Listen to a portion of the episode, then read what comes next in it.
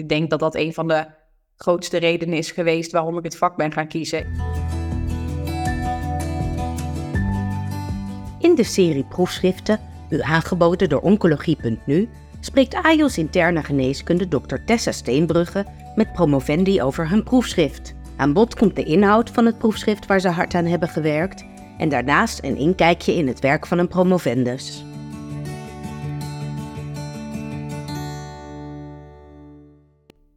Vandaag spreek ik Daphne Dumoulin. Zij is geneeskunde gestudeerd aan de Universiteit van Maastricht. Daarna ging ze in opleiding tot longarts in het Catharina ziekenhuis in Eindhoven en ronde haar opleiding af in het Erasmus MC, waar zij nu ook werkt. Tijdens haar werk als longarts raakte ze betrokken bij verschillende onderzoeken, wat uiteindelijk leidde tot het proefschrift dat we vandaag gaan bespreken en al tot meerdere presentaties op internationale congressen. Daphne woont samen met haar man en twee dochters in Barendrecht en in haar vrije tijd hockeyt ze graag en speelt ze ook nog piano. Daphne, welkom. Misschien leuk voor de luisteraars om te beginnen met de vraag waarom jij longarts bent geworden. Ehm, ja, leuk dat ik dit, uh, deze podcast mag doen. Um, ja, ik ben longarts uh, geworden, nou eigenlijk bij toeval een beetje de geneeskundeopleiding uh, gaan doen, omdat het een leuke opleiding leek, omdat het heel praktisch met name was. Um, en ja, vervolgens ja, rol je van het een in het ander. Toen heb ik mijn kooschappen gedaan, interne geneeskunde. Um, en nou, een deel daarvan was longgeneeskunde. En eigenlijk uh, sloot ik heel goed aan in de groep. Ik voelde me in de groep mensen daar gewoon heel erg op mijn gemak. En ik vond dat, ik denk dat dat een van de grootste redenen is geweest waarom ik het vak ben gaan kiezen. Ik vond het de pathologie, uh, ja, als co-assistent, als je ergens een eh, week of twee weken zit, ja, ik denk dat je daar vrij weinig van kan zeggen. Ik vond het wel heel leuk dat er ook uh, um, nou, praktische dingen werden gedaan. Dus de bronchoscopieën, drainages, dat, dat vond ik heel leuk. Maar ik denk met name de aansluiting met de longartsen, dat dat uiteindelijk heeft, um, ja, mij in ieder geval deze richting in heeft uh, gebracht. Ja, mooi antwoord en heel belangrijk inderdaad in het dagelijks leven ook. Ja, dan nu jouw uh, proefschrift en promotietraject. En ja, het klinkt alsof je daar ook een beetje ingerold bent. promotieonderzoek gaan doen terwijl je al longarts bent. Is dat zo? Of was het al altijd al een wens om promotieonderzoek te gaan doen? Nee, ik heb eigenlijk altijd gezegd dat ik nooit ga promoveren. En dat wetenschap niks voor mij is. Um, en dat ik met name de patiëntenzorg wil doen. En um, nou ja, vervolgens werkte ik in het Erasmus, omdat ik heel graag wilde ik me verdiepen in de oncologie. Want ik had tijdens mijn opleiding wel, um, nou had ik zelf wel een, een, goed gevoel bij de oncologie. Ik wilde graag die mensen, iets voor die mensen betekenen. En ik vond dat al in mijn, in mijn opleiding te weinig um, ja, echt oncologie aan bod kwam. Ik kwam natuurlijk heel veel aan bod, maar dat is wel relatief kort dat je daar iets over leert. Dus ik wilde daar gewoon mezelf meer in verdiepen. Um, om die reden naar het Erasmus uh, gegaan. En uh, nou, toen zat ik daar en deed ik natuurlijk uh, gewoon poli. En die mensen konden daar in allerlei studies en er werden allerlei behandelingen gegeven, experimenteel, maar ook um, behandelingen die elders nog niet vergoed werden of wat dan ook, konden we daar wel geven. Dus er was toegang tot van allerlei um, behandelingen waarbij ik op die poli natuurlijk heel blij was dat ik die patiënt, dat ik daar iets aan kon bieden wat ik ergens anders niet altijd kon. Um, ja. En dan ga je nadenken over, zou dit nog kunnen, zou dat nog kunnen, zou je dit kunnen doen, zou je dat kunnen doen? En nou ja, van het een komt dus inderdaad het ander. Um, ja, dus ik ben uh, ja, gewoon wat onderzoek gaan doen en dingen gaan opschrijven, dingen gaan uitzoeken, dingen gaan verzamelen. Um, nog steeds niet met het idee om daar vervolgens een proefschrift van te maken, maar wel omdat ik het gewoon heel leuk vond om te doen. En op een gegeven moment, uh, ja, zei uh, nou, Joachim Maartje in dit geval inmiddels afdelingshoofd van, uh, ja, moeten we er niet een keer een kaft om doen? Nou ja, en toen uh, was er een proefschrift. ja, nou wat mooi dat het op deze manier echt gedreven door jouw wens om patiënten te helpen ontstaan is. En ik denk dat je ook veel hebt bijgedragen. We gaan het over de inhoud hebben. Nog één vraag, want hoe was het om al als longarts te werken en je klinische werk te combineren met het onderzoek doen? Um, druk, dat wel.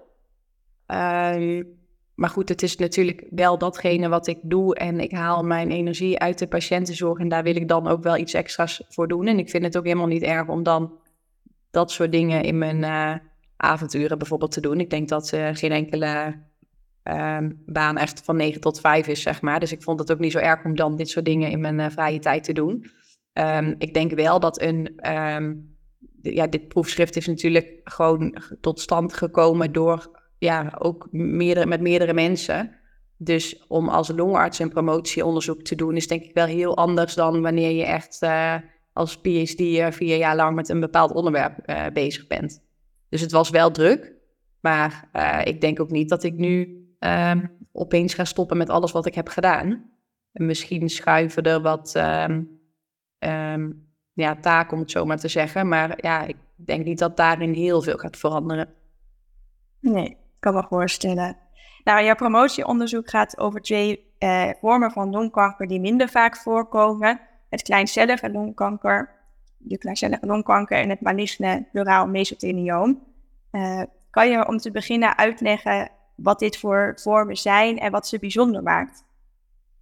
Um, ja, het zijn inderdaad wat je zegt, niet heel veel voorkomende ziektes. Al denken mensen dat de kleincellig longkanker iets uh, is wat wel heel veel voorkomt. Het, is toch een, uh, ja, het valt toch onder de zeldzame ziektes volgens de klassificatie. Um, inmiddels is de incidentie ongeveer 9 per 100.000, dus dat is echt niet zo heel veel. En voor meesteliom is dat 0,7 per 100.000. Um, dus ja, meesteliom is longvlieskanker. Het zijn allebei weinig voorkomende ziektes waar we eigenlijk heel weinig behandelingen voor hebben. En ik denk dat dat uiteindelijk de drijfveer is geweest waarom dat, dat uiteindelijk het hoofdthema van mijn proefschrift is geworden. Uh, omdat we natuurlijk de laatste jaren heel veel um, verschuiving zien naar behandelmodaliteiten, waarbij met name immuuntherapie een grotere rol is gaan spelen. En juist bij deze twee vormen van kanker um, ja, is de rol van immuuntherapie minder groot dan bij de andere vormen van uh, uh, kanker die we kennen. Dus dat is denk ik uh, nou, de voornaamste reden dat het uh, ja, deze types uh, bevat. Ja, want tot voor kort bestond de behandeling eigenlijk volledig uit chemotherapie. En, en je zei het net zelf al, ehm, immune checkpoint inhibitors hebben tot nu toe weinig voordeel laten zien. En je hebt ook nou ja, beschreven waarom je denkt dat dat zo is. Kan je dat toelichten? Uh, voor kleincellig longkanker bedoel je dan, hè? Ja, klopt. Want eigenlijk is het zo dat, um, nou toevallig vorige week was het uh, was de WCLC, dus het Wereld Longkankercongres. En daar zijn dan de vijfjaarsdata laten zien van de uh, Empower 133-studie, waarbij dan chemotherapie met, ja, in dit geval atezolizumab, dus immune checkpoint inhibitor inderdaad, um, werd gecombineerd. Met een vijfjaars overleving van 12 procent. Um, nou, wat echt voor stadium 4 kleincellig longkanker echt wel um, heel uh, hoog is. Want dat was voorheen, denk ik, maximaal 2%. Um, dus er is zeker wel winst te behalen met immuuntherapie voor die groep patiënten. Alleen de, het is echt het, uh, de minderheid van de patiënten die daar baat bij heeft. En waarom dat bij kleincellig longkanker zo is, ja, dat weten we nog niet zo heel goed. Er zijn wel een aantal gedachten. Uh, maar wat we nu van wel weten, is dat kleincellig longkanker in principe wel veel geactiveerde T-cellen um, um, ja, bevatten. Nu van er is niet iets mis met. Um, je, je hebt voor, voor kanker om je immuunsysteem te laten werken. Is het eerste wat je eigenlijk nodig hebt, is veel mutaties. En dat zien we bij kleincellig longkanker juist wel. zijn over het algemeen eigenlijk allemaal mensen die roken of gerookt hebben.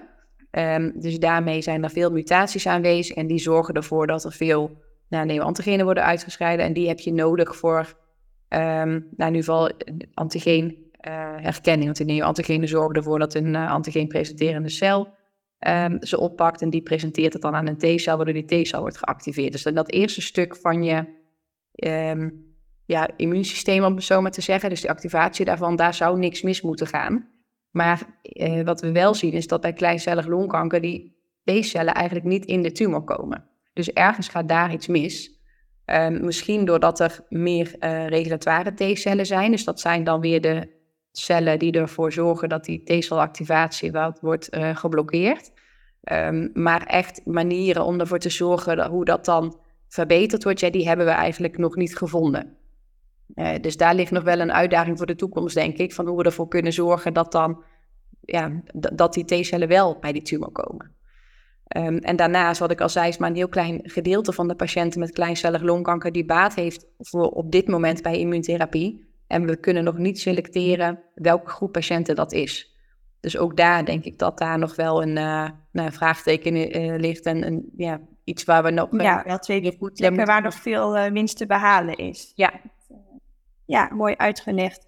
En je hebt dan ook gekeken hoe de populatie patiënten met kleincellige longkanker veranderd is in de loop der jaren van 1989 tot 2020. Door gebruik te maken van data van de Nederlandse kankerregistratie en hebben de inzichten die je daaruit hebt gekregen, kunnen die helpen om uh, nou, andere strategieën te kiezen? Of, uh, kan je vertellen wat... De reden waarom we dat hebben gedaan is omdat uh, nou, er moest een nieuwe Europese richtlijn gemaakt worden. En dan ga je toch kijken van, nou ja, welke, waar baseren we eigenlijk dingen op? En toen bleek eigenlijk dat we helemaal niet echt zicht hadden op wat voor soort patiënt zien we nu. Um, want die populatie verandert natuurlijk in de loop van de jaren. En het is een rokersziekte, dus um, nou, er zijn uh, minder mensen uh, um, die roken uh, nu ten opzichte van ja, 20 jaar geleden. Maar er zijn wel meer vrouwen die zijn gaan roken. Dus vroeger was het zo dat mannen kregen kleincellig longkanker, vrouwen eigenlijk niet. En nu zien we dat die verdeling eigenlijk volledig gelijk is. Maar we zien ook een afname van de absolute incidentie. Dus als je gaat kijken naar het aan gewoon echt absolute getallen, die worden kleiner. Um, of sorry, ik zeg het verkeerd. De absolute getallen die blijven gelijk, maar de incidentie die wordt kleiner omdat we natuurlijk meer inwoners hebben. Uh, en wat opvallend was, is dat wij minder, uh, toch meer mensen behandelen met alleen best support of care. Dus minder mensen een actieve behandeling geven voor, tegen de kanker. En we zien wel iets meer ouderen, maar minder dan ik had gedacht. Ik had eigenlijk gedacht dat omdat um, mensen ouder worden, dat we misschien ook meer ouderen zouden zien met deze diagnose. Um, en verder vonden we nog dat de stadiumverdeling anders was, dus vaker stadium 4. Um, ehm, maar dat komt natuurlijk omdat in de loop der tijd de, uh, de stadiëring ten eerste is aangepast, maar ook de manier om te stadiëren is verbeterd. Dus onze CT's zijn beter, met contrast, de PET-scan is gekomen, de MRI van het hoofd is gekomen. Dus er zijn meerdere tools, zeg maar, die inmiddels um, worden ingezet, waardoor je natuurlijk vaker ook um, ja, uitzaaiingen vindt die we voorheen niet vonden. Ja, het is nog niet helemaal zeker of dat echt een effect is of meer een effect van screening. Precies. Uh, ja. Die we ja. En ik denk dat het wel belangrijk is om te weten wat voor type patiënt we eigenlijk zien, omdat dat ook maakt voor welke patiënt je een behandeling nodig hebt. Um, ja. Want als je natuurlijk allemaal patiënten in de studie bijvoorbeeld, worden vaak mensen met uh, hersenmetastase uitgesloten. En als je nou ziet dat het merendeel van de patiënten in de praktijk um, hersenmetastase heeft, ja, dan is zo'n studie misschien niet echt helemaal um, ja, zinvol in de praktijk die we hebben. Dus dat was eigenlijk uh, ja, de reden om het te doen. Ja, dus dat kan een mooie, nou ja, biedt veel ruimte om uh, data eigenlijk om de behandeling te gaan aanpassen. En dan meer patiënten, of dat de patiënten ouder zijn die de ziekte krijgen, is dat ook nog een verklaring waarom de checkpoint inhibitors minder goed werken, denk je? Uh, nee, dat blijkt eigenlijk niet zo te zijn. Dat, dat, dat, dacht ik ook, maar er, blij, er zijn wel wat, um, is wel wat literatuur gepubliceerd over het effect van immuuntherapie bij ouderen. Um, maar dat maakt, het is niet zo dat het immuunsysteem is verouderd en daarom immuuntherapie niet zou werken. Dus dat blijkt eigenlijk geen reden daarvoor te zijn. Oké, nou dat is ook uh, goed om te weten. En dan is het alleen nog de vraag of we die oudere patiënten de immuuncheckpoint inhibitors gaan geven, denk ik. Ja, ook dat. Maar ja, het moet er eerst zijn. ja, absoluut. Oké, okay, we gaan uh, het nu hebben over het mesothelioom. Um, vorig jaar werd de combinatie ipilimumab en nivolumab goedgekeurd als eerste lijns behandeling voor het mesothelioom. Ik ja, denk een enorme doorbraak. Uh, en jullie onderzochten het effect van deze behandeling in de echte populatie patiënten, de real-world patiënten noemen die dan. Wat vonden jullie? Um, nou ja, wij hebben die behandeling gegeven in eerste instantie in een named patient programma. Dus dat wil zeggen dat je de behandeling dan kan aanvragen bij um, nou, de sponsor eigenlijk, dus de farmaceut, degene die het middel heeft uh, um, ja, ontworpen, of hoe noem je dat, um, die het op de markt heeft gebracht. Uh, dus op dat moment was het nog niet vergoed, dus kon het niet ergens anders gegeven worden. En dat was waarom wij natuurlijk de verwijzingen kregen om dan patiënten in dit programma te includeren en ze op die manier te behandelen. Maar wel met als consequentie dat in onze populatie uh, een selectie van patiënten natuurlijk zit. Ja, die zitten natuurlijk in een fase 3-studie ook, maar in zo'n programma zeker. Omdat um, je dan dus niet alleen maar mensen hebt die in een eerste lijn eh, zitten, want we kregen dan ook patiënten doorverwezen die al één of misschien soms zelfs meerdere lijnen therapie al gehad hadden. Maar ook patiënten die niet, net als in een fase 3-studie, waarbij ze echt een hele goede performance score hadden, maar soms waren ze wel wat minder fit, konden ze toch in dit programma behandeld worden. Um, en de histologie was anders. Um, want normaal gesproken zie je eigenlijk een groter deel van de patiënten met een um, mesothelioom met een epithelioïdtype. Dus je hebt een epithelioïd een sarcomatoïd of een gemengde. En normaal gesproken zie je het meest een epithelioïd carcinoom of een epithelioïd uh, mesothelioom. En um, uh, het sarcomatoïde type bleek uit de studie wat meer baten hebben van de duale immuuntherapie dan de epithelioïde variant. Uh, maar eigenlijk met name omdat de chemotherapie minder werkzaam is in de sarcomatoïde variant. Dus dat maakte dat wij in onze real world, zeg maar, met name natuurlijk die sarcomatoïde variant doorverwezen kregen. Terwijl dat dus degene was die in de fase 3 minder vaak voorkwam, omdat dat gemiddeld genomen ook minder vaak voorkomt. Um, dus helemaal de studie vergelijken die van ons met de um, fase 3-studie is niet helemaal een eerlijk vergelijk. Um, en als je dan en kijkt... Tussendoor, want die uh, verschillende histologische subtypen, is het verschil in effectiviteit van de behandeling dusdanig dat we patiënten ook zouden moeten selecteren op basis van het histologisch subtype van het mesothelioom? Nou, dat is dus lastig, um, want de chemotherapie werkt bij een sarcomatoïd type minder goed dan bij een epitheliaal type. Um, de immuuntherapie doet het eigenlijk bij allebei even goed. Dus in de epitheliale zou je kunnen kiezen. Alleen de vergoeding is alleen voor de eerste lijn. Dus oh je hebt helemaal gelijk. Um, je zou daarop kunnen selecteren wie je hiermee start. Maar in de praktijk merk je dat mensen toch, ondanks dat ze dus een epitheliaal type hebben, toch um, um, af en toe of vaak kiezen voor immuuntherapie in de eerste lijn, omdat dat de enige kans is om dat te krijgen. En chemotherapie ja, zou dan daarna alsnog kunnen. Ja, oké. En we weten nog niet of nou ja, het in de eerste of in de tweede lijn even effectief of minder effectief is. Um, ik denk dat dat niet uitmaakt. Het probleem is alleen dat als je natuurlijk in de.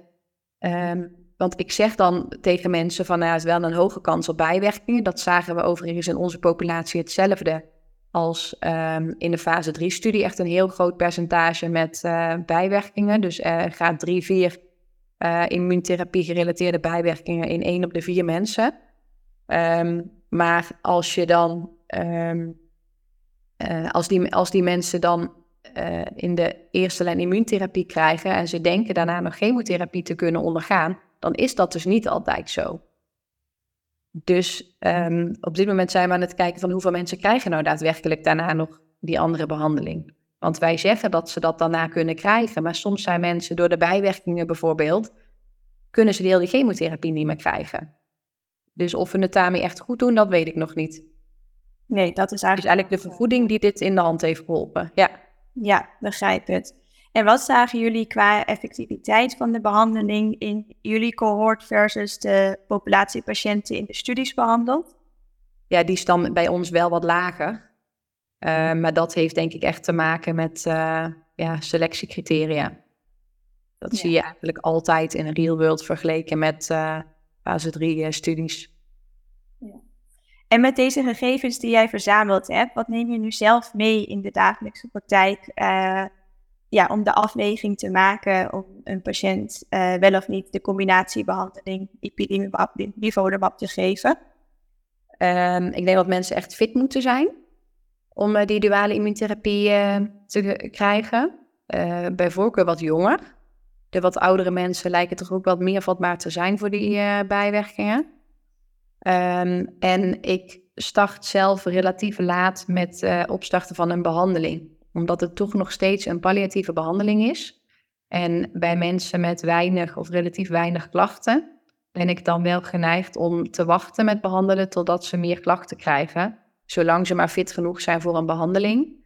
En natuurlijk wel, um, moet natuurlijk wel bedacht op zijn dat immunotherapie niet van vandaag op morgen werkt. Dus je moet ook niet zo laat zijn dat het de kans niet meer heeft om te werken. Maar je ziet toch wel best wel snel um, ja, die bijwerkingen met ook uh, opnames die nodig zijn, wat echt wel inbreuk heeft op kwaliteit van leven. Dus om dat aan iemand te geven die eigenlijk op dit moment nergens last van heeft, uh, ja, dat doe ik dan dus liever niet. En hoeveel van die patiënten, hoe lang uh, stel je het dan nog uit bij patiënten gemiddeld? Ik zie ze dan elke drie maanden op de poli met instructies dat ze tussendoor moeten bellen. Als ze merken dat hun conditie verandert of gewichtsverlies, dat soort dingen.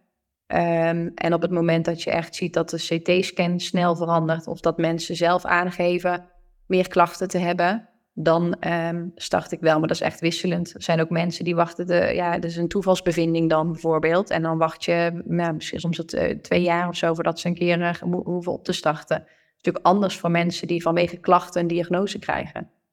Ja, precies. Dat is snel anders. En soms kan je dus nog wat nou, tijd kopen. Ja. Uh, ja, je maakt een heel mooi bruggetje naar de bijwerkingen van immune checkpoint inhibitors. De combinatiebehandeling werkt helaas niet bij uh, alle patiënten met een. En je bent ook hard op zoek gegaan naar een groep patiënten, naar een manier om de groep patiënten die er wel baat bij heeft, om die te vergroten. Uh, zo heb je ook onderzocht wat het effect is van dendritische celvaccinatietherapie, gevolgd door anti-PDL1 in muizen met een mesothelioom. Waarom deze combinatie? Um, nou, wat je eigenlijk um, bij, bij mestellioom, dat zijn dus tumoren met heel weinig uh, mutaties, weinig neoantigenen, daarmee weinig T-cel um, uh, activatie. en door, om dat eerste stukje zeg maar, van de T-cellen die niet geactiveerd worden, omdat die dendritische cellen niet, nou, eigenlijk die dendritische cellen gaan dan niet aan het werk. Uh, en daardoor worden de T-cellen niet geactiveerd. Dus om dat stukje te um, omzeilen, zeg maar, um, zijn we gestart met dendritische celvaccinaties.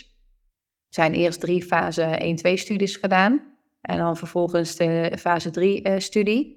Um, waarbij je dan dus door de dendritische celvaccinaties eigenlijk de T-cellen al activeert. Maar wat er dan gebeurt... Dat is dan alleen dendritische celvaccinatie, hè? Nog, uh, ja, ja, zonder... Ja, precies. Um, maar wat er dan gebeurt, is dat die T-cellen geactiveerd worden. Um, maar uh, doordat die T-cellen geactiveerd worden, gaat er ook PD-alleen-upregulatie uh, komen. En waardoor het alsnog niet werkt. Dus dat is eigenlijk de reden geweest om dan daarna um, ook die PD-1 te gaan remmen. Zodat omdat eigenlijk de combinatie van die twee dan de hele immuuncyclus zou moeten uh, bevatten. Dus dat is de achterliggende reden geweest. En nou, dat wordt dan natuurlijk eerst in uh, muizen getest om te kijken van, nou, is dat zinvol wel of niet? En we denken dat dat toch wel wat zou kunnen doen, met name als je het tegelijkertijd geeft. Dus ik denk dat dat uh, mooi zou zijn om dat in, bij patiënten ook toe te gaan passen. Maar zover zijn we nog niet. Nee, maar jouw verwachtingen zijn wel dat dit uitkomst kan bieden voor een selecte groep Nou, ik denk dat het wel eens een interessante optie zou zijn. Ja. ja. En zijn jullie bezig met een fase 1 twee studie om daar op te zetten? Of is dat nog te vroeg? Nog net iets te vroeg. Denken erover na. okay. nou, dat uh, wachten we af in de toekomst. Dan gaan we tot slot nog kort hebben over bijwerkingen. Het is al een paar keer aan bod gekomen. Immune checkpoint inhibitors kunnen leiden tot heel andere bijwerkingen dan chemotherapie.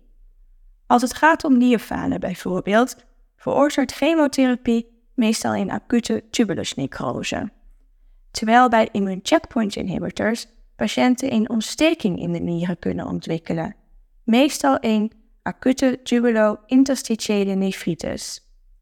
In sommige behandelingen voor longkanker wordt chemotherapie gecombineerd met immune checkpoint inhibitors en is het niet meteen duidelijk om welke vorm van nierfalen het gaat, terwijl tijdige herkenning belangrijk is voor de behandeling. Dat hebben jullie ook onderzocht. We hebben, er zijn heel veel studies gedaan met pemetrexed, dus die chemotherapie. Ehm, en daarin hadden we gezien dat met die chemotherapie dat we vaak uh, nierfunctieverlies uh, zagen.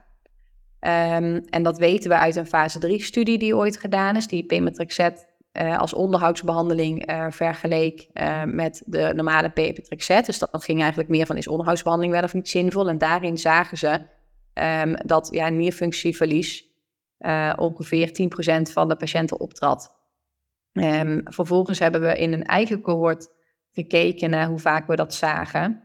En dan zagen we dat eigenlijk dat 30% van de patiënten uh, eigenlijk acuut nierfunctieschade kon krijgen bij pemetrexed. Um, dus dat is al een discrepantie ten opzichte van de fase 3-studie die er is gedaan. Bij immuuntherapie zie je dat eigenlijk ook. Dus immuuntherapie is ook natuurlijk onderzocht als monotherapie versus chemotherapie. En dan zag je in de studie um, eigenlijk heel weinig nierfunctieverlies uh, optreden. Ik geloof iets van 2% bij alleen pembrolizumab. Maar als je het dan um, gecombineerd met chemotherapie bekijkt in een studie, uh, dan zagen ze ongeveer, um, ja, ik dacht net iets meer dan 10% van de patiënten die met combinatie chemotherapie, um, ja, bevattende chemotherapie met pembrolizumab, um, toename had van de creatinine, dus nierfunctieverlies. Dus dat is anders dan hoe wij dat zien in de dagelijkse praktijk. En omdat we het zo vaak zien, uh, is het denk ik heel belangrijk, hoe kan je dan onderscheid maken, komt dit door de immuuntherapie of komt dit door de chemotherapie? Um, en er zijn natuurlijk allerlei reviews en van alles is er geschreven over uh, nou, hoe vaak komt er van alles voor. En daar vonden ze wel een hogere incidentie van um, immuuntherapie, gemedieerde toxiciteit, nefrotoxiciteit, wat soms wel tot de 30% uh, eh, liep. Dus het komt in de praktijk heel vaak voor. En dat maakt het wel, je hebt natuurlijk een patiënt op je poli die zowel chemotherapie als immuuntherapie krijgt. Um, en hoe ga je daar dan uh, mee om? Dus we hebben niet zozeer gekeken hoe vaak vinden wij een acute tubulus necrose of een, een uh, nefritis. Maar meer van, nou ja, wat als je nou zo'n patiënt hebt, hoe kan je nou onderscheiden is het chemotherapie gerelateerd? Is het immuuntherapie gerelateerd? Want het maakt natuurlijk voor je behandeling wel heel wat uit wat het is. Um, en daarnaast is het natuurlijk zo dat als je kijkt naar alle um, richtlijnen voor immuuntherapie, toxiciteit, uh, staat er overal, welk orgaan het ook betreft, biop te nemen, biop te nemen. Dat klinkt natuurlijk logisch van, nou natuurlijk, we nemen een biop en dan ga je kijken of er inderdaad uh, die uh, schade is ten gevolge van de immuuntherapie. Maar in de praktijk werkt het natuurlijk niet zo. Want als ik een nierbiopt wil, dan is dat een complicatie voor de patiënt. Een risico op complicaties. Die patiënt gebruikt bloedverdunners, dan moet dat weer gestopt worden. Geeft ook weer een risico. En überhaupt dat biopt kan niet vandaag plaatsvinden. Er zijn allerlei praktische problemen. Terwijl die patiënt wel in een actieve behandeling zit. Dus vandaar dat we een stroomdiagram hebben gemaakt van nou, hoe kan je nou dat onderscheid maken. Nou, dat bevat hele logische dingen zoals co-medicatie, nakijken, uh, vullingsstatus van de patiënt bekijken, fractionele natriumexcretie berekenen, uh, maar ook urinesediment. Uh, en met, een, met al dat soort dingen bij elkaar kan je dan kijken van, nou, is het nu immuuntherapie gerelateerd of is het uh, chemotherapie gerelateerd. En um, dit artikel wat ik toen had geschreven, is inmiddels alweer een paar jaar oud. En inmiddels is er nog een andere bepaling aan toegevoegd, de alpha-1 microglobuline, wat we in het bloed bepalen. En daarmee kunnen we um, eigenlijk heel goed, nou denken we nu van heel goed te onderscheiden van is het chemotherapie of immuuntherapie, wat het leven op de poli wel makkelijker uh, maakt, kan ik zeggen. Ja, en wat moeten de dokters op de poli onthouden, uh, hoe ze het onderscheid kunnen maken? Nou, in ieder geval dus die andere oorzaken uitsluiten in de zin van uh, um, nou ja, hartfalen, eh, vullingsstatus bekijken en co-medicatie nakijken. Postrenaal natuurlijk uitsluiten met een echo. Dat hebben we allemaal ooit uh, geleerd in onze vooropleiding. Um, en die alpha-1 microglobuline in de um, urine bepalen. Dat is wel, ja, wat mij betreft, de makkelijkste om na te kijken wat je eigenlijk direct hebt en wat je heel goed richting kan geven in uh, is, het, uh, ja, is het immuuntherapie of is het chemotherapie. Bij immuuntherapie zie je dat dat verhoogd is omdat je te veel daarvan uitscheidt. Normaal hoor je dat volledig te resorberen. Oké, okay, nou dat is uh, heel erg mooi. En dat bespaart dan hopelijk ook een heel aantal nierbiopten. Zeker, ja. ja. Oké, okay. nou we zullen een link naar het artikel plaatsen bij de podcast, dan kan iedereen het algoritme nalezen. Ehm, ja, dan hebben we al in een vogelvlucht heel veel van jouw hoofdstukken besproken. ik was zelf nog wel benieuwd, nu we dit allemaal gehoord hadden, wat jij wilde zeggen met de titel Becoming the Apex Predator. Um, nou, kanker is natuurlijk een hele agressieve ziekte. Um, en staat eigenlijk een soort van bovenaan de keten. Want een kanker maakt eigenlijk alles kapot wat, um, nou ja, wat er kapot te maken valt, om het zo maar te zeggen. Wat je eigenlijk zou willen, is dat we immuuntherapie daarboven laten staan. Zodat de immuuntherapie de uh, kanker gaat aanvallen. Dus dat die eigenlijk hoger in de keten komt te staan. Nou, dat is ook een hele mooie samenvatting van uh, jouw proefschrift, denk ik. En daar heb je een hele belangrijke bijdrage geleverd. Uh, als je nu terugkijkt op het hele traject en alles wat je gedaan hebt, waar ben je het meest trots op? Um, ik vind het heel moeilijk um, om daar een heel goed antwoord op te geven. nou, ik ben denk ik, ik ben in ieder geval blij dat het, nu, dat het dat dit tot stand is gekomen en gelukt is naast gewoon mijn praktiserend werk, om het zo maar te zeggen. Maar wat ik al zei, het is wel iets waar ik gewoon mee door ga en wil gaan. En ik hoop dat ik nog meer dingen kan doen om uh, uh, de wetenschap, maar met name de mogelijkheden voor de patiënt verder uit te breiden. Dus als dat lukt, dan ben ik trotser. nou, dat is een heel mooi antwoord en eigenlijk ook al meteen het antwoord op mijn volgende vraag je in de wetenschap blijft. Uh, maar je had natuurlijk ook al gezegd dat er nog zoveel vragen open liggen na alles wat je verzameld hebt. Dus uh, dat is een hele mooie ambitie. En ja, ik denk dat je dat ook heel goed gaat lukken. Ik wil je bij deze bedanken voor de uitleg, de beschrijving van het onderzoek wat je hebt gedaan. En alvast heel erg veel succes en plezier bij jouw verdediging 26 januari. Ja, dankjewel en ook bedankt voor de uitnodiging om deze podcast te maken. Gaat u zelf uw proefschrift binnenkort verdedigen en vindt u het leuk om een podcast op te nemen? Laat het ons weten via info.uitgeverij-jaap.nl